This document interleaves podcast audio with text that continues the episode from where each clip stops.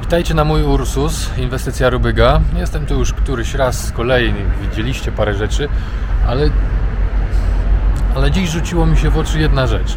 Jak oddadzą do użytku budynek i będzie można wjeżdżać do garażu podziemnego, to ci, którzy mają niskie auta, niech zrobią to powoli. Jest tak, że jedzie się najpierw w dół po kostce, potem jest takie zagłębienie i wjeżdżamy już e, na beton, na zjazd do garażu.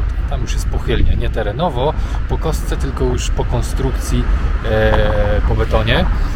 I jak szedłem dzisiaj, pierwszy raz po niej wychodziliśmy, to no, rzuciło mi się to w oczy. A no, czasem zdarzają się takie wpadki, potem macie urwany zderzak, są pretensje, więc ogólnie pamiętajcie, nie tylko na tej inwestycji, na każdej, że pierwszy wjazd do garażu to jest badanie terenu. Nie? Ostrożnie. Jeżeli chodzi o usterki, pech. E, Wywaliło prąd na e, całej klatce, e, więc nie mogłem go sprawdzić. W skrzynce teletechnicznej był jakoś dziwnie zakończony kabel. Więc w kontekście instalacji niewiele, niewiele e, ciekawości tam się pojawiło.